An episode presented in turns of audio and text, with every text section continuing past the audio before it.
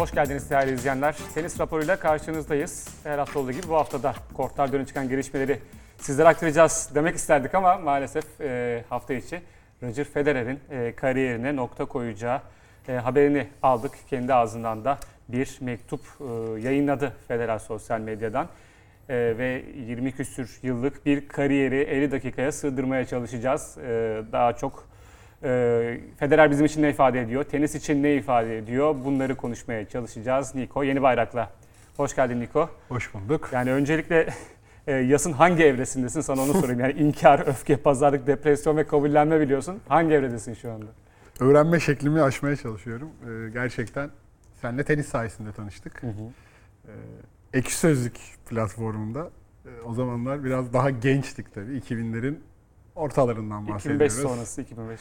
Ee, agresiftik. Ee, yer yer atışıyorduk belki.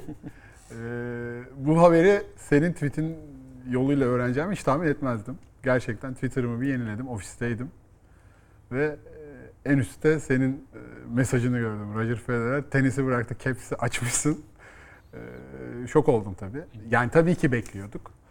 Ee, ama bu kadar çabayı görünce ameliyatlar, rehabilitasyon süreci hakkında bilgilendirmeler, hala bir Grand Slam'de oynama hedefi, tenise dönme arzusunu görünce yani oradan gelen güncellemeler e, bize farklı hissettirdi. En azından bu sene işte Laver Cup artı Basel'de kendi sahasında biraz kendini dener. Avustralya çıktı da yine rekabetçi tenise dönmeyi dener ve hani veda edecekse de o sezonun başında bu sezon son sezonum olacak bir hani en yakın hangi örnek var? İşte rahmetli Kobe Bryant da o sezonun başında açıklamış. Bir nevi veda turuna döndürmüştü basketboldaki son sezonunu.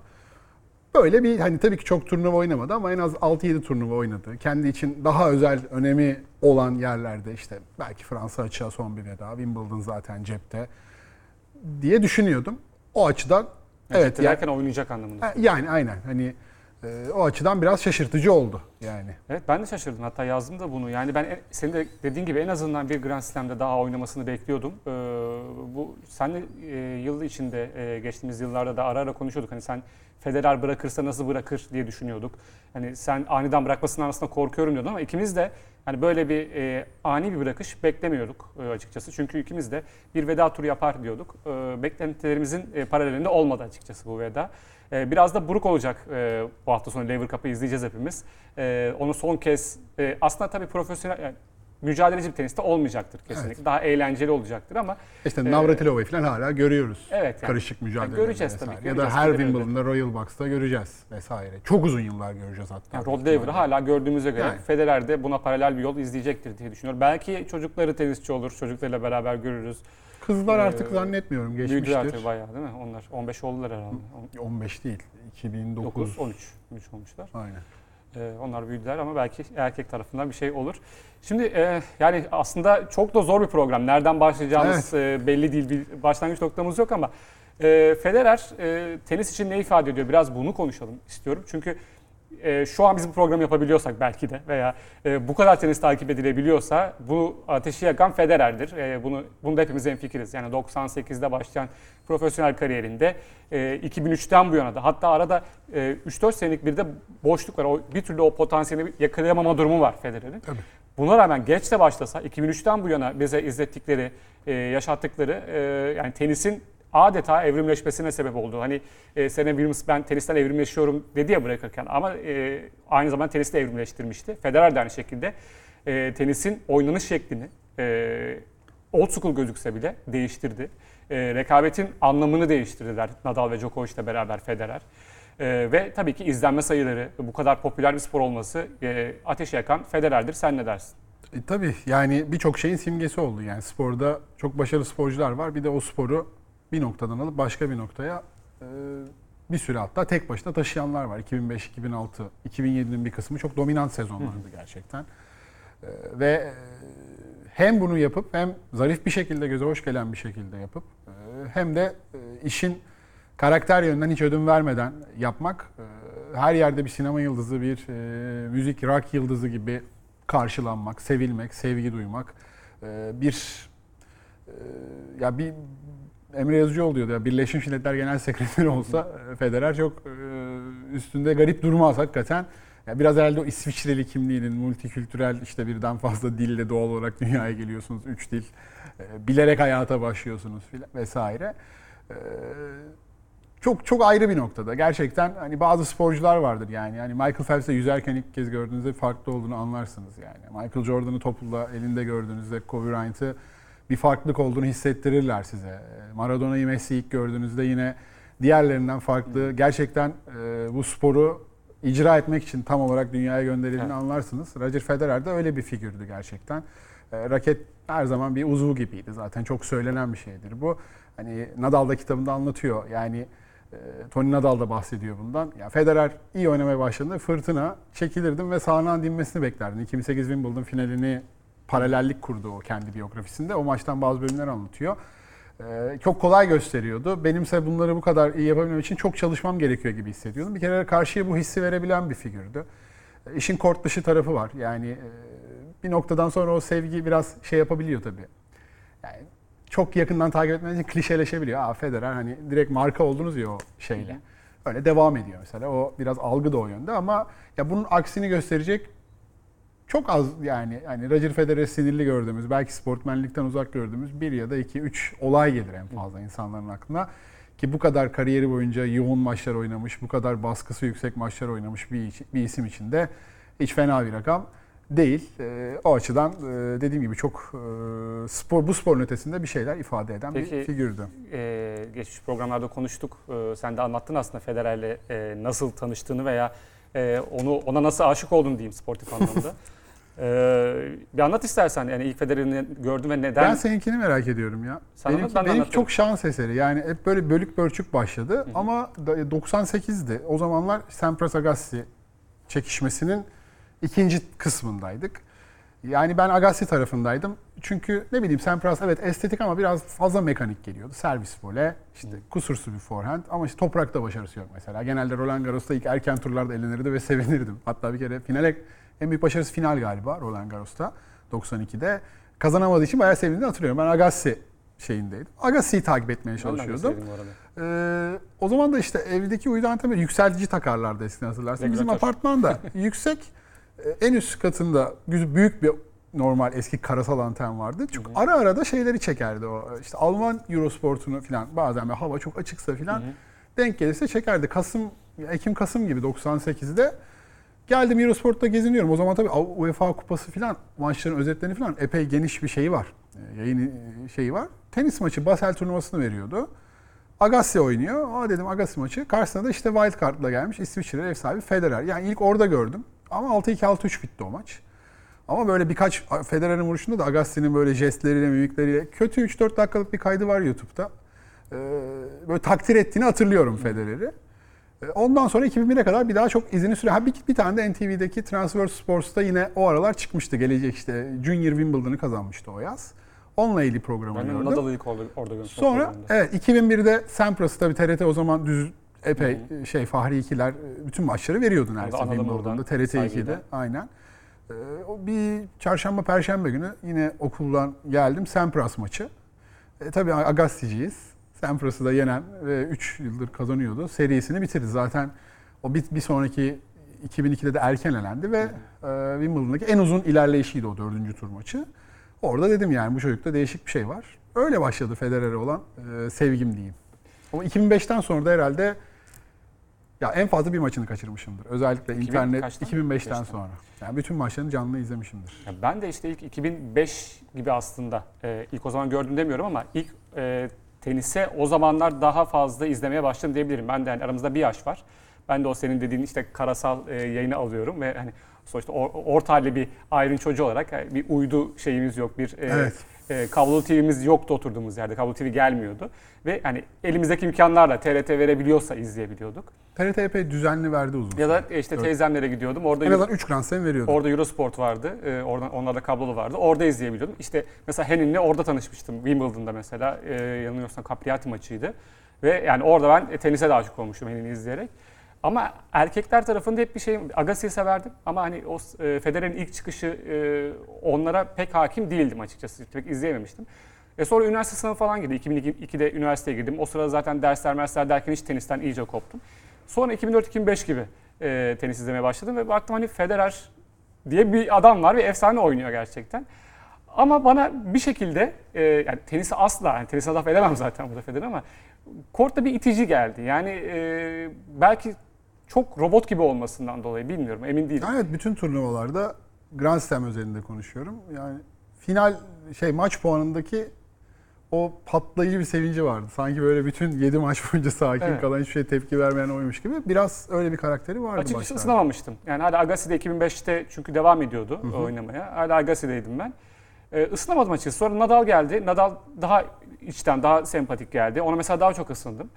Ee, Federer'den. Ama hani Federer'e karşı bir nefret anlamında bir şey yok tabii ki. Ee, ama e, favori, yani favori tenisçim değildi. Çok en iyi tenis oynayan da o dönem. Kesinlikle öyleydi. En iyi oydu. Başka bir şekilde oynuyordu. Hatta hani değişik e, branşlara e, benzeti işte bale yapıyormuş gibi derler. Ben daha çok yani Bob Ross'un e, resim yapması gibi. Yani e, herkes Bob Ross'u sever. E, TRT2'de hepimiz izledik. 90'larda yaşayanlar izledi. Sonrasında 2000'lerde tekrar verdiler. Yani o fırça darbeleri işte burada küçük bir ağaç var deyip hemen oraya bir ağaç daha koyması. Ya Federer vuruşları bu kadar kolay gösteriyordu açıkçası ve adeta bir Bob Ross'un fırçasından çıkan bir forehand gibi mesela.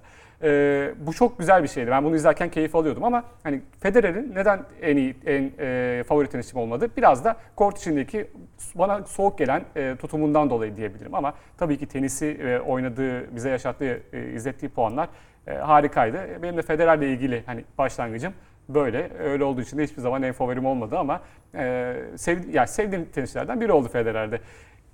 Ek sözlük zamanında işte senin okuduğun entry'lerde veya e, Twitter'daki ilk şeyler aslında Blogu, blogunda çok üzüldüm. Del Potro maçını hatırlıyorum. aslında biraz da o 5 setlik Ameri- e, Roland Garros yarı finali. Aslında Del biraz da o zamanki- biraz 50 hediye ettiği bir maçtı. O zamanki sivri federalcileri kızdırmak için de onlar biraz da.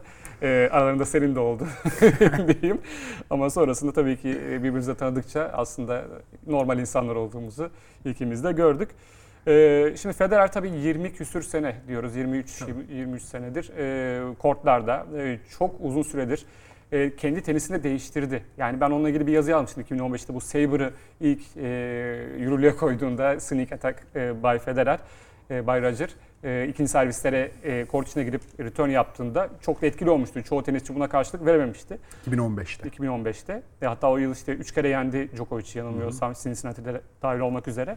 Bir yazı yazmış hani şey e, Bruce Lee'nin bir e, sözü var su gibi ol diye.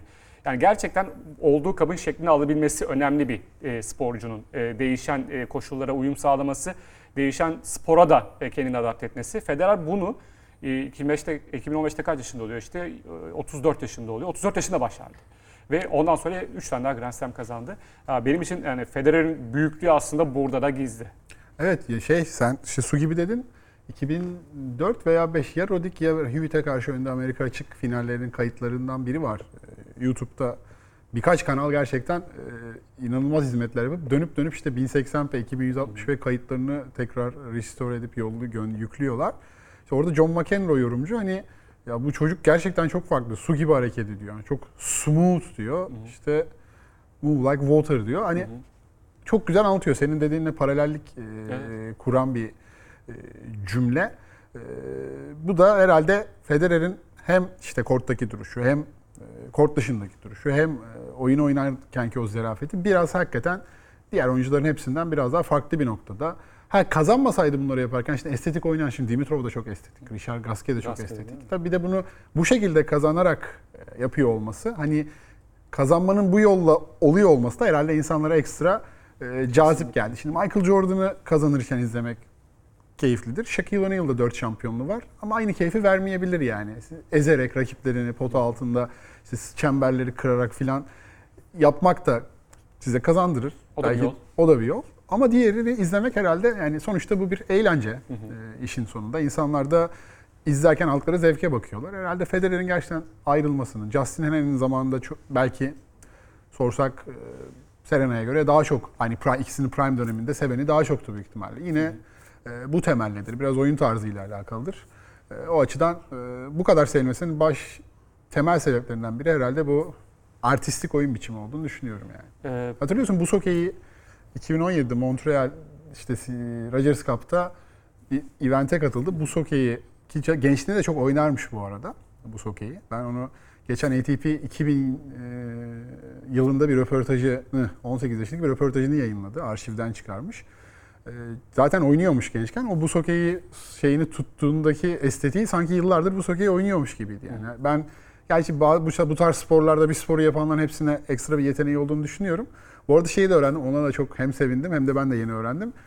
İşte o röportajda en sevdiği filmi sormuşlar o zaman. Good Will Hunting demiş mesela. Aynı filmi en sevdiğiniz film olması da bir ekstra hoşuma gitti. Bunu O senin en sevdiğin film mi? Evet benim en Geçen sevdiğim. hafta örneğini vermiştim hatırlıyor musun? Aynen Krios'ta. doğru.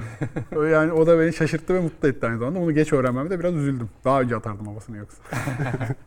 Güzel paralellik, paralellikler var. Ee, tabii şimdi 2005 ile 2007 arası e, yani sanırım başka bir e, bireysel sporda bu kadar dominasyon e, yani yüzmeyi ve hani atletizmi geçiyorum hani Daha geniş frekansla yapıldığı evet için onlar. onlar Yoksa daha geniş. işte de Olimpiyatlar ve dünya şampiyonları olarak ayrılıyor.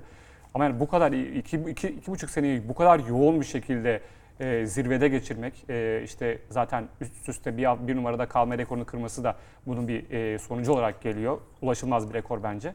E, yani başka bir sporda böyle bir şey görmedik ve sanırım uzun bir sürede iki senedir iki senelik böyle bir dominasyon göremeyiz. Herhalde şey e, üç- 310'u kaptırdı ama 237 arka Evet, arkaya. o, geçilmez. O herhalde zor gibi gözüküyor. E, Cidden acayipti. Özellikle e, 95'e 4 sezonu var işte. Nalbandiyan'a kaybetmese McEnroe'nun rekorunu da kıracaktı. E, Cidden acayip bir seviyeydi o.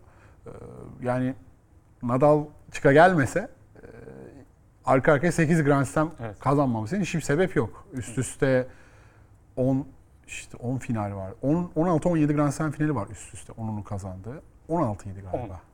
10 muydu? 10 Grand Slam finali, 23 yarı finali, 30 Ya rakamlara çok bakmadım açıkçası. 32 veya 36 çeyrek final var. Çeyrek finali Söderling'in bitirdiğini hatırlıyorum. E, Roland Garros şey, Evet. e, şeyinde. Evet. Finali de galiba e, Djokovic'in 2008 Avustralya açık yarı finalinde bitirdiğini Olabilir. hatırlıyorum. Tabii. E, Bunları hatırlıyorum. Cidden çok şeydi. Hani e, insanlar biraz onu rakipsizlik temelli de işte biraz zayıf bir weak era olarak yorumlayanlar da var. Ama şimdi bakınca hani Nalbandiyan, işte Safin, Hewitt, e, Roddick ya biraz onları da şey göstermek de İstediği kadar weak era olsun. Aynen. En azından bir yerde bir konsantrasyonunuz bozulur. Tabii. Bir, bir maç kaybedersiniz. Zaten Onu bile katılmıyorum. Onu yani. weak göstermek de bir yandan da yani hani Ya, öyle bir tabii seviyeye çıkıyorsunuz ki 2008 sonrası gibi değildi. Onu söyleyebiliriz. Değil. Veya 90'lardaki gibi bir şey de değildi. Yani weak ama nasıl weak? Yani belki de e, işte 10 üstünden 10 90'larsa 10 üstünden 10 şimdiyse 10 üstünden 8'di belki. Yani weak dediği de bu weak yani. Se- 10 üstünden Tabii. 8'lik bir kuvvet vardı ortada. Yani istediği kadar weak olsun. Yani bir yerde konsantrasyonunuz bozulur. Sıkılırsınız arka arkaya kazanmaktan. E, ya o dönemin şeyi çok güzel anlatıyor. Netflix'te var belgeseli Mardy Fish'i anlatan Breaking Point'te. Tabii. İşte e, Andy Roddick'le Amerikan tenisinin yeni, Yeni yıldızları, dünya bir numarası adayları. E, Federer belgesele geldi. birden Federer giriyor. Birden İsviçre'den Federer diye biri Evet. çıktı. E, tenisi kırdı, geçirdi. Evet. E, bizi de ekstra bir e, buhrana iten isimlerden biriydi diye. Yani diğer bakış açıları da e, biraz bu yönde. Şimdi bir e, en büyük rakiplerinden e, konuşacağız. Ondan onun öncesinde tenisçiler nasıl veda etmişler? E, Nadal, Djokovic. Şey yine böyle- olay oldu ya bu şeyden beri bir ara Federer sosyal medyalarını geç aç- açtı bir tek. Evet. Twitter'ını özellikle. Ya neden kimseyi takip etmiyor vardı. Sonra bir gecede herkese etti Djokovic'in Nadal'ı falan. Ee, Böyle şimdi de Djokovic neden 12 saat sonra paylaştı O var değil mi? ee, var. İşte hala şey Djokovic'i Instagram'dan takip etmiyor biliyorsun Federer. Niye takip etmiyorlar var? Va- etmiyor mu? Etmiyor. Allah Allah. Laver Cup'tan sonra da mı etmemiş? Belki sonrasında eder. Bir oynasınlar bakalım orada bir konuşurlar. Şıktı ama Djokovic'in mesajı. Evet bakalım neler söylemiş devler. E, Federer'e nasıl veda etmişler? Dev tenisçiler 20 kez Grand Slam şampiyonu Roger Federer'in kortlara vedası sebebiyle üzgün. 41 yaşındaki İsviçreli raketin en büyük rakibi olarak gösterilen Rafael Nadal, sosyal medya hesabından yaptığı açıklamada bugünün gelmesini hiç istemediğini belirterek ben ve dünya genelindeki spor severler için çok üzücü bir gün. İçinde kort içi ve dışı çok harika anlarında yer aldığı bunca yılı seninle paylaşmak benim için bir zevk olduğu kadar onur ve ayrıcalıktı. Bundan sonra da birlikte çok güzel anlar yaşayacağız. Biliyorsun birlikte yapacağımız daha birçok şey olacak. Eşim Birka ve çocukların da sana çok mutlu bir hayat diliyorum. Değerlendirmesinde bulundu. Sırp Novak Djokovic ile Büyük Britanyalı Andy Murray, emeklilik kararı alan İsviçreli tenisçi Roger Federer'e veda mesajı yolladı. Sosyal paylaşım sitesi Instagram hesabından Federer'e saygısını sunan 21 kez Grand Slam şampiyonu Djokovic, bu sporda paylaştığımız şeylere bakınca bugünün gelmesini görmek benim için çok zor oldu. 10 yılı aşan inanılmaz anılara ve aramızdaki rekabete baktığın zaman mükemmelliği başarma ve bunu istikrarla, dürüstlükle birleştirmenin kariyerini anlatmak için doğru kelimeler olduğunu düşünüyorum. Seni kort içi ve dışında tanımak, birlikte uzun yıllar geçireceğimizi bilmek benim için gurur verici ifadelerini kullandı. Kariyerinde 3 Grand Slam şampiyonluğu bulunan ve Lever Kupası'nda Federer'in de yer aldığı Avrupa takımında mücadele edecek Murray ise İngiltere basınına yaptığı açıklamada İsviçreli tenisçinin emekliye ayrılmasının spor için çok üzücü olduğunu vurguladı. Onun da aynı dönemde korta çıktığını hatırlatan 35 yaşındaki tenisçi, bu sporda büyük turnuvalarda, büyük organizasyonlarda ona karşı bazıları çok önemli maçlara çıktığım için çok şanslıyım. O dönem bu kadar şanslı olduğumun farkında değildim. Ama bugün geçmişe dönüp baktığımda sayesinde harika anılar biriktirdiğimi görüyorum. Belki çiftler kategorisinde veya bunun gibi başka bir şeyde onunla yeniden korta çıkma şansına erişebilirim. Bu gerçekten çok özel bir durum olurdu ifadelerini kullandı. Federer gibi kısa süre önce emeklilik kararı alan kadın tenisinin efsane ismi Serena Williams, bu oyuna ikna edici bir biçimde çok büyük katkı verdin ve bunu kariyerin gibi hatasız yaptın. Her zaman seni takip ettim ve hayranlık duydum. Yollarımız her zaman şu anda da olduğu gibi benzer durumlardan geçti. Aralarında benim de bulunduğum milyonlarca insana ilham oldun. Seni asla unutmayacağız. Seni alkışlıyorum ve gelecekte tekrar görüşmeyi dört gözle bekliyorum. Emekliler Kulübü'ne hoş geldin. Sen olduğun için teşekkürler ifadelerini kullandı. Tenisin efsanelerinden Billie Jean King, bugünkü dünya bir numaraları Carlos Alcaraz'la Iga Swiatek, Arjantinli yıldız futbolcu Lionel Messi ve birçok ünlü sima Federer'e veda mesajı yollamıştı. Federer, Perşembe günü yaptığı duyuruda İngiltere'nin başkenti Londra'da 23-25 Eylül tarihlerinde düzenlenecek Lever Kupası'nın ardından profesyonel kariyerine nokta koyacağını açıklamıştı. Tabii Federer'in e, kendi kariyerini yalnızca Federer konuşsak burada konuşuruz ama biraz da Federer Nadal, Federer Djokovic aslında bu üçlü tamamen tenisi değiştirdi. Federer kıvılcımı yakmış olsa da. Çok da güzel mesajlar var. E, yani Nadal'ın mesajı gerçekten iki yakın dostun birbirine vedası gibi. Nadal'ın mesajı geçtim. Nadal'ın annesi, ablası, Tony Nadal. Hepsi ya. Valla oğullarından çok Federer'i seviyor gibi. Kırık Ee, kalpler, emojiler, üzgün suratlar. e, Çok duygusal mesajlar paylaşmıştı Nadal öyle, ailesi. Öyle, öyle. Ama Ama yakın onlar. Ailecek de yakınlardı Aynen. muhtemelen. E, yine Djokovic yani paylaştığı fotoğraflarda birinci kupasını daima Evet. Federer'e vermiş. Kendisi Aynen. de e, kazandığı 2019'dan önce ki yani Maç seremonisi, maç seremonideki önü. fotoğrafı paylaşmıştı. O da güzel bir incelikti. Evet. E, Nadal'la Instagram'daki ilk postu bir kaybettiği maçtandı. Ona Hı. da o yönden de övenler vardı. Ama yani şimdi bu kadar tabii göz önünde olunca milyonlarca takipçiniz bu, bu, tarz ince ince incelikler de aslında yani. Yani mesela team direkt indiğimiz finalinde kendi kazanıp Federer'in ufak kupayla olduğunu falan koymuş ama, baş, ama çok maçları da var. Hı hı. Olan biraz hiç maç yapamayanlar oldu. Yannick Sinner, Alcaraz. Evet. Alcaraz bayağı üzgün. Ee, bu hafta içi bir kim paylaşmıştı? Alcaraz kupa köşesinin en başında Federer'le fotosunu koymuş. Ee, Nadal mı Federer mi idolüne biraz daha net, zaten. net bir yanıt oldu gibi. Böyle e, beraber antrenmandan sonra meşhur fotoğrafları var ilk antrenman yaptıklarında. Bütün o kupalarını ayırdı. Evinde özel röportaj yapmışlar. Hem köşe başında da Federer'le olan fotoğrafı duruyordu. Onun Challenger'ları kazanmaya başladığı dönemde ona yapılan röportajda hani ben İspanyolum Nadal'a benziyorum biraz ama benim idolüm Federer. Hani oyun tarzını Federer'e de daha yakın buluyorum demişti zaten. Bu kendi ağzından duymuştuk. O yüzden üçünün bir kombosu gibi zaten Alcaraz. Ee, güzel vedalar olmuş. Evet. Ee, yani Serena'da da e, benzer şeyler yaşadık. Yani bunlar e, her ne kadar oynarken e, biraz e, izleyenleri kutuplaştırsa da işte Nadal'cı, Federer'ci diye e, bıraktıkları zaman e, ne kadar büyük olduklarını görüyoruz. Şimdi Nadal, Federer Ne kadar üzülebildiğimizi de görüyoruz. Nadal Federer rekabetine gelecek olursak yani ben aslında e, 2012'den sonra daha çok bir Fedal gördüm. Yani e, Fe- Federer hayranları Nadalcı Nadal'a hayran, Nadal hayranları Federer'e hayran. Ondan öncesinde e, Bayağı saç saça baş başa bir... amiyane tabirle gırtlaklıyorlardı. Yani Evet. Hatırlıyorum e, ben çünkü benim blogum vardı işte altında kavgalar çıkıyordu Federerciler Nadalcılar arasında. Bir anda Live game tenis miydi? Bir duruyor, anda- duruyor değil mi yazılar hala? duruyordur herhalde. bir anda şey oldular hani e, gerçekten e, sarmaş dolaş oldular. Bu da güzel bir şey. Yani Ben o kadar eski olduğunu düşünmüyorum ya. Bence 2017 Lever Cup'tan sonra. bir, Bir, şey bir de bunların çok gülerken O- videoları var. Biraz... Yılbaşında bir Evet. e, organizasyonları vardı. Aynen. E, 2010'da Kahkaha 14 veya krizi. 13 olabilir. Oralar gibi sanki. Hı hı. Yani İkisini de böyle sakatlıklardan çok çekmeye başladığı dönemler biraz yakınlaştırdı. E, tabii aynı sponsorlar.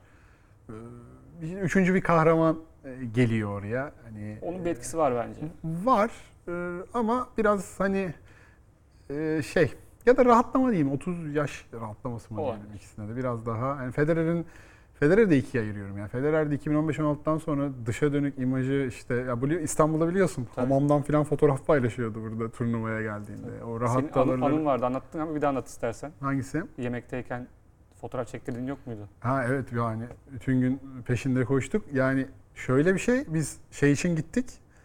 E, Four, şu Four Seasons oteldeydi. hı. Üçteydi lansman toplantısı. Biz de hani bir umut belki erken görürüz. diye 12'de falan gittik. Orada işte otelin bahçesinde oturuyoruz arkadaşımla. Arkada yemek yiyen Federer'i gördük yani. İşte arkadaşım benim fotoğrafımı çekiyordu. Nikola dedi Roger arkada böyle bir heyecanlandık. Ya biz ona doğru yeltendik yani birer fotoğraf çekelim. Biz kendi güvenlikleri de çapraz masada yemek yiyorlardı. İki Hmm. tane de güvenliği vardı. O da işte e, Severin Nuti ile Pierre Paganini vardı e, yanında. E, yemek yerken o bize doğru okey yaptı. O bize doğru geldi. Ya fotoğraf çekildik böyle. Ya dedi ki bunlar güneşte çıktı. Sana videosunu göstermiştim. Hani Hı hı. istiyorsanız bir de burada çekilelim. İşte akşam oyuncu partisine geliyor musunuz vesaire. Yani öyle acayipti yani. Yani sıcak e, Ben o bir de hafızası bir öyle bir şey ki. büründü. Ben o hafta bütün turnuva sürekli işte Evet. peşindeydik yani. Son gün artık bir sürü şey imzalattım. İki tane daha top daha verdim. Bana dedi ki ben bütün hafta senin çok şeyini imzaladım dedi ve son iki topumu imzalamamıştı mesela. Bir de onu hatırlamış yani. o- orada Binlerce küsermişsin ve bir daha konuşmalıyız. E, Djokovic'ci olurmuşum. Asıl 2015 diyorsun da bence asıl e, sosyal medya büyük bir devrim oldu orada. Evet. Yani 2010'da veya 2011'de bu Brezilya, e, Kolombiya, Arjantin galiba. Evet. Brezilya Arjantin serisi yaptı. İlk defa gitmişti Güney Amerika'ya. Orada İgoz Şelaleri'nin de videoları vardı. Ben Twitter'da görünce şok oldum. Yani bu, bu Federer mi emin miyiz demiştim. Çünkü yani gerçekten çok sıcakkanlı gözüküyordu. Benim o hani anlattığım programın başında. O soğuk adam yok. Sosyal medya devrimi de oldu biraz. Yani Doğru. E, ya da ben o zamanlar tabii gerçekten ne kadar gördüğüm için- sevildiğini tabii kortlarda görüyor ama hı. kort dışında da genel insanlar arasında algısının nasıl olduğunu o zaman fark edip böyle bir karşılık mı vermek istedi yani. Olabilir. Bir ara çok yapıyordu Q&A'ler. Yani bu kadar inanılmaz Twitter falan büyük yargı Evet evet. bayağı. Gecede 100 150 200 mesele cevap verdiği zamanları ben hatırlıyorum. Bizim Türk kullanıcıları da bayağı cevap verdiği falan oluyordu yani. Çok başlarda çok şeye girdi. Hı hı. Böyle bir farkındalık olmuştur. E tabii işin sponsoral boyutu var. Tabii ki hani şey yapıyor açısından demiyorum ama bunlar birbirini doğuran şeyler yani. Hoşuna gitmiştir, daha da keyif almıştır. E, Komik olmayan şakalar, baba şakaları da yapıyordu. Yapıyor. Yapıyordu yani her zaman. Ee, Bir 2000 ara emojilere takmıştı. Sürekli emojilerle her şeyi anlatıyor. Evet. Hatırlıyorsun. Evet, evet. Öyle ilginç dönemleri oldu sosyal medyada. 2014-2015 gibi. İyi kullanıyordu Twitter'ı. Evet evet. Ee, şimdi 2008'de Avustralya açık yarı finalinde e, kaybedince bir anda ilk defa kral öldü dendi. Hatırlıyorsun. Zor Ee, bir seneydi. Ya So- düşünsene 2008'de yani kaç yaşında? 27 yaşında. Hı hı. Ee, son 2,5 sene, 3 seneyi domine etmiş bir tenisçi. 237 haftadır bir numarada. Bir maç kaybediyor ve kral öldü deniyor. Peki. O e, çıkardığı sev yani çıktığı seviyeyle alakalı işte. Yani Öyle. bir- Sonrasında 2012 e, son Wimbledon'ı e, kazandıktan sonra o zaman o dönem için e, uzun bir süre kazanamadı. Tabii. 5 sene, 4,5 sene Grand Slam kazanamadı. Orada da artık bırak işte olmuyor, seni böyle izlemek istemiyoruz diyen federerciler Zaten vardı. 2013'te Amerika açıkta Robert'ı öğlenince çok arttı o sesler. Hı hı. Yani. Ne oldu? Sonra 2017'de Avustralya açık, Wimbledon, 2018 Avustralya açık. Orada ekstradan 3 Grand Slam geldi. Ee, tabii burada işte diğer tenisçilerin durumu da belki araya girdiği için böyle. Çünkü baktığında Federer 2019'da da Wimbledon'ı kazanabilirdi. Veya işte 2015'te de kazanabilirdi. Ee, biraz da onun yardımı, şansıyla diyeyim. Ee, o şansı da çok iyi kullanarak finalde Nadal'ı yenip 2017'de şampiyon oldu. Ee, yani iki kere e, ölümden döndürdüler e, kariyerini. E, artık sonuncusu da kendi sakatlığı sebebiyle oldu. Yani ben 2012'de ilk bir yazı gördüm. Cedric Pioline, eski Fransız tenisçi, Eurosport'ta bir yazısı vardı. Hı hı. Siz- O zamanki sitede Türkçeleştirmişti galiba. Yani Federer'in zamanı geldi gibi. 2012 sezonu başlamadan. Yani e, dünya bir numarası olmadığı için bırakmasını artık Grand Slam kazanamadığı için bırakmasını söyleyenler vardı. Yani Grand Slam kazanmak için hiçbir şeyi başarı adetmeyen bir kamuoyu. 2013'te çok arttı bu. Ee, benim hep merak edeceğim bir soru. e, raket değişimini daha erken yapsaydı. Yani 2008 Wimbledon finali belki çanların çalma yılı olarak kabul etseydi. Çünkü raket değiştirdikten sonra bir toprakta maç kazandı. Onun dışında Nadal'a karşı 5 maç kazandı. Murray'e hiç maç kaybetmedi. 6 maçın hepsini kazandı mesela. Ee, tekrar büyük işte 2 Grand Slam, 3 Grand Slam kazanıp 2015 4-5 tane de finali var yani. Yine azımsanacak bir şey değil. Djokovic'in Terminator dönemine denk gelmesi birkaç Grand Slam daha da araya sıkıştırması çok olasıydı. Yani 2015 Wimbledon benim tüm Wimbledon'lar içinde finale gelene kadar hatta finalde de 5. sette, 4. sette 4 5-2'den geri dönüp 7-5 kazandı. O sekans final setinin ortasına kadar 2019'dan da bence parlak bir oyundu mesela. Ee, Ya da 2015 Amerika açıkta yine finale gelene kadar çok acayip bir seviyedeydi. Saber vesaire. Hep o bir soru işareti olarak kalacak. Yani kariyerinin başında 93 inçten de daha ufak 88'lik raketle başladı galiba. İlk değişimi orada yaptı ama o zaten çok ufak bir kafaydı. O 93-98, 93-97 değişimin 2014'te artık hani Robredo eleneyim, bütün çağrılar tükenmiş bir de bunu deneyeyim. Ya tabii ki anlıyorum şimdi toplara milyarlarca kez vurduğunuz bir şey var ve bunun bir milim kayması bile birçok ezberinizi Evet. kökten değiştiriyor. Bu zaten hani bize kolay ama artık bazı kas hafızasında bazı ezberlerin yerleştiği isimlerde bu farklı olabiliyor. Ama demek ki alınabilir bir riskmiş ve size çok sağlam ödüller olarak geri döndü. Acaba 2008'de bunu bir 2008 özel bir yıl. Şimdi mononükleozle bütün sene hani Wimbledon finalini izleyin. Koca koca çıbanlar var adamın kafasında. Biraz şey bir yıldı o açıkçası.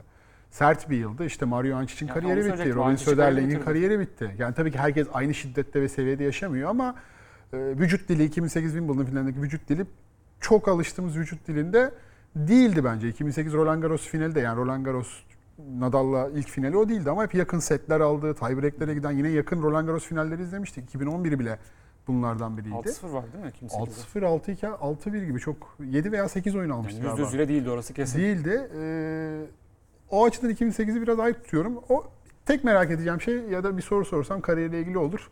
Bir de şeyi bekliyorum yani artık kendi ağzından bir biyografi. İnşallah olur. Yani çünkü evet Federer'e yakın gazetecilerin yine yakınlarda bir eser. çıktı değil mi? evet aynen var. Fena olmayan eserler var ama e, kendi ağzından ya da artık e, daha modern e, bir yöntemle şöyle 10 bölümlük güzel bir Belgesel. belgesel. Ya, kitap daha iyi olur bence çünkü Bence. Agassi'nin kitabı, Nadal'ın kitabı hepsi birinci ağızda yazılmış. ve kitabı yani uzak ara en iyi spor kitabı inanılmaz. bence yani. Agassi'ninki bambaşka. Nadal'ın yine Lina'nınki de iyiydi. e, Hatırlıyorum. Ee, Lina, Lina'nın kitabı da ama o otobiyografi miydi, biyografi miydi onu hatırlamıyorum. Ee, evet bir artık kitap okuyalım. Yani Evet. neler yaşamış, ne yanları var e, bol bol bilmediğimiz. vakti olur herhalde. Olur. Onun gözünden diyelim. Yani 2008 finali Nadal'ın gözünden. Benim Nadal'a en çok yakınlaştıran şeydir. O Hı hı. kitabı okuduktan sonra tamamen bakış açım değişmişti. Yani karanlıktan korkmasını, Nadal'a. korktuğunu bilmemiz. Evet ya da Yani- 2007 finalinde 5. sette kaybettikten sonra bir saat duşun altında ağladığını hı. hiç tahmin etmem ben Nadal'dan öyle bir reaksiyon Evet. tepki mesela. Ee, Bu insani yönleri ya da Wimbledon'ın en sevdiği turnuva atmosfer olarak işte orada bisikletle alışverişe gitmesi, ailece ev tutup yemekleri kendisini yapması hani şimdi çim sevmez falan gibi ya toprak sever ama insan şaşırıyor böyle Evet. şeyler öğrenince. Ya Federer'de de böyle çok hikaye vardır. Yani bu üç isme de böyle fasikül vesikül 24 bölümlük belgeseller de çıkar Ee, ama Federer'in de özel bir hikayesi olur gibi yani. Bir gazete var önünde. 2000 Evet. so- kazandı son Grand Slam herhalde. Şu an değerlendi. Bu gazeteyi şöyle göstereyim kameraya. Ee, sevgili dostum Ahmet Fransa'dan getirmişti. Fransa'daydı tam ertesi gün. Lekip 2018, 2018 Avustralya için kazandığı günün ertesinde çıkan Yüzyılın gazete bu. efsanesi diyor değil mi? Yüzyılın efsanesi. Şu an değerli bir şey oldu galiba bu. Çünkü Federer'in kazandığı çerçevelet. son Grand Slam olarak ofiste duruyordu güzel masamda. Ee, çerçeveletmenin vakti geldi. Ee, böyle de bir şeyi var. Peki böyle e, Federer'in e, izlediğin maçta hani senin için e, bir anısı olan hangi maç var? Hep çok vardır eminim ama ilk aklına gelen hangisi? Ee, İlk aklıma gelen hangisi? 2015 finali vardı. Yenildi final. 2015 finalinde e, o zaman Ali Kırçıl maçı anlatıyordu. E, Biz de böyle bir arkadaşlara toplanmış yani barbeküsel bir şey yapıyorduk ondan sonra. E, Ama Ramazanmış. E, Ali de arkadaşlar da şey yapıp maçı izliyor diye yayında söyleyince uyarı gitmiş. Ali Ramazan var ne barbeküsü. Ali'yi rejiden uyarmışlardı. Öyle bir en yakın yayıncılıkla bağdaşmış anım budur. E, Bir de böyle geceleri Ali o zamanki yayın şeyinde maç anlatırken ben çok darlamayı severdim böyle. Yazardım yayınlarda falan. Böyle 3'te 4'te sürekli beni izlediğim bildiği için yazıyor rahat rahat. Niko kesin işte Indiana Üniversite izliyordur. İşte Cincinnati'de izliyordur diye. E, İlk aklıma gelenler bunlar ama çok fazla var yani. Benim mesela 2008 ve 2009 Wimbledon finalleri ayrı ayrı. 2008'de ben işte 2007 üniversiteyi bitirdim. E, çok farklı bir bölüm. Ondan sonra 2008'de Eurosport'ta çalışmaya başladım. Olimpiyatlar falan var. E, stajyerim o- o dönem. E, maç başladı. İki setini evde izledim. Akşam da kanala gideceğim. Diyorum ki hani bitmiş sette izleyeyim öyle gideyim. Yağmur arası girdi. Tabii. Avcılardan Beşiktaş'a gittim. Metrobüste yok o zaman. Var. Yeni yeni ama. Yeni yeni. Yani şey, e, Topkapı'ya kadar var galiba. Gittim ve şey 3. set yeni başlıyordu. Yani o kadar uzun bir ara girmiş. Doğru. Yağmur arası. Orada izlemiştim. İşte Benim mesela sevdiğim arkadaşlarım Can Ereler'le, Emre Yazıcıoğlu'la falan hep beraber izlemiştik hayatımda orada bir daha maçı. tekrardan izlemedim iki maç. 2008 Wimbledon finali, 2019 yılında. 2019 Wimbledon dönüp bir daha asla yani. 2009'da da Rodik o efsane tiebreak'ten döndüğü Aa. maçta Doğru. e, ba- ba- Başak yok Bahçeşehir'de kendi maçım vardı benim tenis maçı. Turnuvaya katılmıştım. Arkadaşlar oradan diyoruz minibüste. E, yani bir yandan o zamanlar tabii bu kadar internet e, de yaygın telefonlarda yani var ama işte çekiyor çekmiyor ayrı yerde. E, gittik bir kafe bulduk. Kafeye zorla açtırdık maçı. Orada izlemiştik e, 2009 e, finalin sonuna kadar da. O da enteresan bir adımdır yani Federer'li. E, tabii ki o, o dönem hani Federer'in kaybetmesini istiyordum. benim de şey, kazansın istiyordum şeyim yani. var. 2010 kafede açtırmak deyince 2010'da bir e, şey finali var. Djokovic Federer e, Rogers Cup finali var. Hı hı. Akşam Türkiye saatiyle e, 7'de falan başlıyordu ama hatırlarsan o dönem böyle birkaç günlük bir elektrik kesintisi vardı İstanbul'da. 2010'da mı? 2010'da. Hı hı. E, Ben de e, işte normalde maç izleten kahve kıraathaneye gittim. Bayağı e, Maç maç şeyi açtırdım orada. E, Federer Djokovic maçını açtırıp izlemişliğim var ve böyle insanlar toplandı izliyorlar yani merakla. Böyle şey misyonerlik faaliyetlerimiz de oldu. Güzel. Ben askerde öyle izletmeye çalıştım olmadı. 2009'da. Ee, Nadal e, Verdasco yarı finali izleyememiştim. Nadal Federer finalinde böyle kare kare izlemiştim. Baktım olmuyor internet kafede. Kapatmıştım. Ee, böyle değişik anılar olması güzel aslında. Elektrik kesintisilerin 2010 2009 mu? Yok 2010. 2010 Amerika açık finalinde de Nadal Djokovic elektrik kesintisi için izleyememiştim o finali. E, o sıralar 2010'da vardı Ama bir şeyler. Telefondan aç izle e, şeyimiz yoktu. Yoktu maalesef. tabii, öyle Stream şey servisleri yoktu. Ya öyle böyle- anı çok yani Tabii, dediğim tabii. gibi.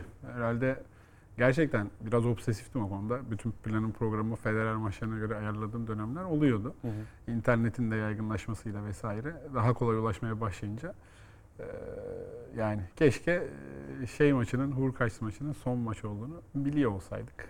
Kimse tahmin edemezdi tabii. Yani Evet. orada tamam kötü oynuyordu, sakattı ama iyileşeceğini düşünüp biz Evet. özellikle 2020 araya da pandemi girdi bir de ya. Tabii. Pandemi var mıydı? Pandemi vardı. Vardı. Vardı ama sonuçta uzadı yani. Evet. Pandemi vardı doğru. vardı. 2021. Yani dö- dönece bu, bu sene döneceğini düşünüyorduk. Olmadı. Seneye döneceğini düşünüyorduk ama Evet, keşke yani olsaydı. dönmeye çalışıyordu en azından. En azından döneceğini Yani düşünüyorduk. eğlenceli e, şeylerinden bahsettik. Sen o Nadal'la gülüştüğü videodan bahsettin. İspanyolca konu, e, İspanyol aksanıyla e, İngilizce gülüyor. E, Pedro Pinto ile bir röportajları var. Of o da çok komik. Yani Pedro Pinto diyor ki en sonunda e, biraz İspanyolca soracağım. Sen sadece dinle diyor karşında. Seni dinlemeni Evet, alacağız arkadan diyor. Başlıyor konuşmaya İspanyolca gülme yani kopuyor Federer. Tamam tamam bağlantıyı kesiyor yani. En sonunda uzağa gidiyor falan. Orada Uzağa da gidiyor, orada kendi kendine gülüyor. Ee, güzel şeyleri var. Hani Haas, Dimitrov'la boy bandleri vardı hatırlıyorsan. Ee, 100 Backhand, Aynen. Backhand Boys. Aynen. Indian Wells miydi o? O zaman Ya turnuva Miami'de- direktörüydü. Çünkü, Miami'nin. e, Haas Miami'nin Tommy Haas, evet, turnuva direktörüydü. Ya da yeni yıla yakın mı öyle bir şeydi Yok yok yani. turnuva direkt Ee, turnuvadaydı. tatlı bir e, grupları vardı. Haas maçı tabii kariyerindeki en önemli maçlardan biri Roland Garros. Ee, 2009. Üçüncü sette servis kırma 4-2'de servis kırma puan çeviriyor. Hı hı. 3 sette kaybedeceği maçı orada 5 sette kazanıp oradan Roland Garros tek Roland Garros'unu kazandığı maçtı. Kendi de birçok E, bir tur önce de Del Potro var zaten biliyorsun. yok. Bir tur sonra mı? Yarı final Del Potro. Çeyrek o dördüncü tur çeyrekte Monfils, Öyle mi? Ben Yarı- çeyrek de hatırlıyorum Del. Potro olabilir. e, yarı final Del Potro. Cuma'ydı çünkü. Hı hı. Finalde Söderling. E, o da çok her zaman söyler kariyerindeki ve bayağı cesur bir puan oynuyor o servis kırma puanında. O ana kadar çok kötü oynamıştım. O biraz beni kendime getirdi. Maçtaki ilk iyi vuruşumdu dedi ve oradan da Roland Garros'a giden yol. İşte böyle şeylerin belgeselsi anlatımını görmek isterim. Kendi ağzından dinlemek gerekiyor. Haas'ın da konuştu. Ee, David Foster Wallace'ın çok ünlü bir yazısı var. Hani eminim herkes okumuştur bu programı izleyen ama Türkiye'de ilk biz kazandırdık. Evet. okumadıysanız da e, Şimdi galiba bir kitapta çıkacak Cem hı. Pekdoğru'nun editörünü yaptığı e, String Theory. hı hı. David Foster Wallace'ın çok meşhur ve ilk yüz dışındaki tenisçilerin gözünden anlattığı bir tenis yazısı vardır. ruhani bir deneyim olarak Federer'e Evet. çevirebilir miyiz yazıyı? Aynen kutsal bir deneyim Kutsal bir olarak deneyim. çevirmiştik biz o zaman. Anıl'la birlikte.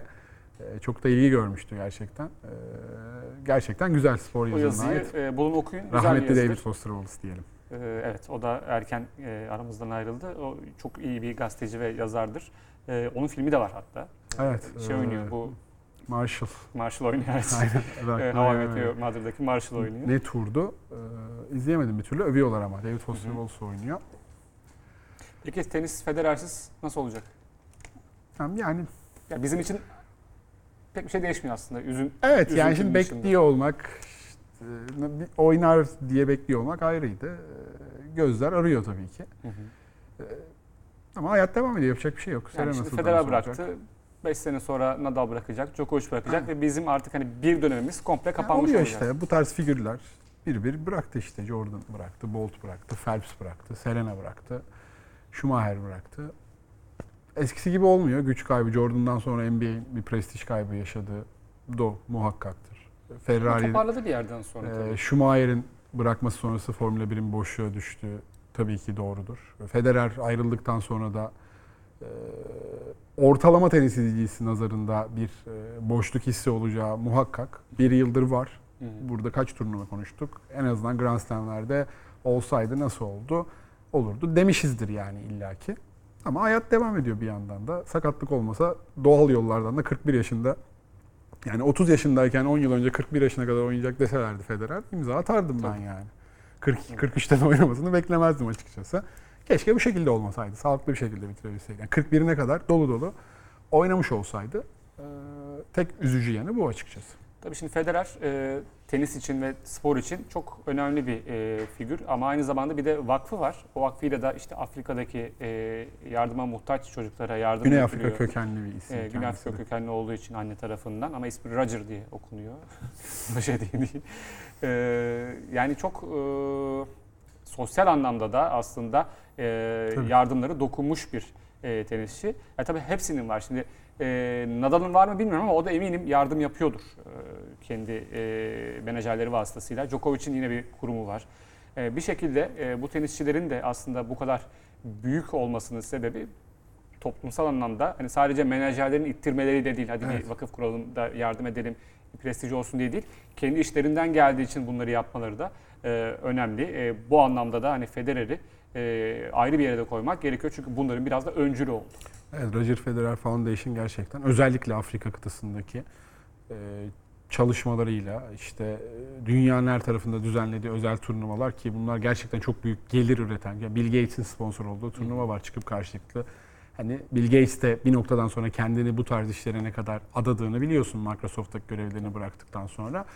E, o yüzden gerçekten hani devletlerin bir araya gelip yapabileceği yardımlar ve şeyler nazarında tutarında belki Tabii. bir gelir, bir farkındalık sağlıyor. Ee, bu da işte dediğim gibi hani işin kort dışı kısmını devreye sokuyor. Yani e, bu isimlerin neden böyle figürler olduğunu, neden bu kadar çok sevildiğini biraz açıklayan bir güç var. Elde ettiğiniz bir güç var. Herkes farklı bir noktaya kanalize etmeyi tercih ediyor. Bazısı biraz daha siyasal politik görüş, duruş olarak bunu sergiliyor. Muhammed Ali örneğinde olduğu gibi. Ee, Federer'i işte Jordan'ı biraz o yönden politik Olmadı. olmamakla, suya sabuna çok dokunmamakla eleştirenler var. Yer yer özellikle tenis özelinde ben bu eleştirilere katılıyorum. Özellikle Nadal ve Federer her zaman biraz daha çekimsel kaldılar bu konularda. Ee, yine de anlayabiliyorum. Ee, ama bir de işin bu yolu var. Ee, onlar da bu şekilde buraya kanalize etmeyi, yapabildikleri ellerindeki bu gücü maksimum şekilde kullanmaya gayret ediyorlar. Ee, önemli farkındalıklar da yaratıyorlar gerçekten. Bu programda özellikle e, en iyi tartışmasına girmek istemedik GOAT tartışmasına. Hı Ama hani Federer'in e, en önemli eksiklerinden biri de olimpiyat tekler altını. Tabii 2008'de e, çiftlerde Wawrinka ile beraber e, çok da güzel bir şampiyonluk elde etti. E, 2012'de e, gümüş madalyası var. O yorulduğu yarı finalin ardından e, finalde pek varlık gösteremediği. Tabii. 16-14 ya. E, Evet. Final seti 30 oyun. E, Bir maç yani neredeyse. Ya büyük bir eksik değil tenis anlamına baktığınızda. Ama kariyerinde baktığınızda hani sen ne dersin e, Federer'in hani şu olsaydı daha iyi olurdu dediğin bir Yani şey bir var mı? olimpiyat altını 2004'te sanki biraz daha yakında uygun bir alan vardı. Berdih maçını hı. Berdih'e 2004'te kaybettik galiba ki daha yeni e, palazlanan bir Berdih'ti. 85'li Berdik'te aralarında 4 yaş var işte tabii. 19 Yani yaşındaymış. e, biraz daha açık bir fırsat vardı gibi. Şimdi 2008'de e, Nadal kazandı 2008'de zaten. Blake'e yenilmişti E, 2008'de. Pekin'de evet. Yani e, hani orada finalde kestirilemeyebilirdi belki ama 2004 açık bir fırsat gibiydi. 2012 biraz talihsizlik. Formda geldi. Bir ay önce Murray'i e, merkez kortta Wimbledon finalinde yenmişti ama çok yıpratıcı. Yani Wimbledon'da cumartesi pazar arka arkaya oynandığı için o sarsıcı yarı final maçını. Evet Murray de Djokovic de oynadı yarı finali. O maçtan sonra akşam seansında oynandı. Ama iki sette bitirmişti galiba. İlginç bir şekilde e, şey 3 sete uzadı Federer maçı ama hani 16-14 olunca final seti 30 yani 30 oyun oynandı. Neredeyse hani e, 3 set. 6-4'lük 3 set yani. E, Çok yıprandı ve ertesi gün Murray maçında çok kolu kalkmıyordu. İyi bir fırsattı. 2012 Federer için genel anlamda iyi bir seneydi zaten. E, En yaklaştığı oydu. 2016'da zaten oynayamadı. Ya ben onu kafaya koyduğu için 2020 için biraz hazırlıklarını yapacağını düşünüyordum Tokyo için. E, Ama bir türlü de pandemi, sakatlık. Evet. Ya inanılmaz bir eksik mi? Değil. Djokovic'te de yok galiba olimpiyat altını. Onun da Onda bronz var bir tane galiba. bronz var. E, İşte çiftler de var. 2008'de aldı bronz. Ve Nadal burada biraz daha iki tane galiba olimpiyat altını var. Nadal'ın iki olimpiyat tekleri var. 2008 8, ve 2016 mı? 2016. Evet. Ee, orada biraz yani büyük ihtimalle hani eksiklerinden biri. Ha, Davis Cup'la biraz daha o acıyı hafifletti. 2014'te. 2014'te e, Wawrinka'yı da e, formda yakaladı. Kendi çok keskin değildi. Biraz sakatlıkları vardı. Hı hı. Ama Fransa serisinde e, Wawrinka şapkadan tavşan çıkarmış. Onun bir Songa maçı var galiba. Epey iyi oynadı. Sonra çiftlerde de Gasquet, Beneto'yu da rahat yenmişlerdi. E, Herhalde o onu meç etmiştir. Çünkü iki oyuncuyla Davis Cup kazandılar nihayetinde. Yani İspanya kadar geniş bir havuz olmadı İsviçre'nin hiçbir zaman yani. Tabii canım yani. Yok e, Wawrinka Federer dışında hani sayarsın tenisçi de Tabii. Nereye kadar? Wawrinka'nın, Hangi seviyede? Wawrinka'nın prime'ına bir Evet. tane sıkıştırdılar. İyi, iyi oldu. E, Şimdi hepsinde birer yani Nadal'ın daha fazla var tabii de Djokovic'in de Nadal'ın da Federer'in de olmuş oldu. Murray'nin de var. Doğru. E, dördünde de var. Da var. Güzel. Var. Tamam, bütün büyükler kazanmış Cup. Peki e, programın yavaş yavaş sonuna geliyoruz. E, yani Federer İstanbul'a geldi en azından İstanbul'a canlı canlı bu gözlerle izledik.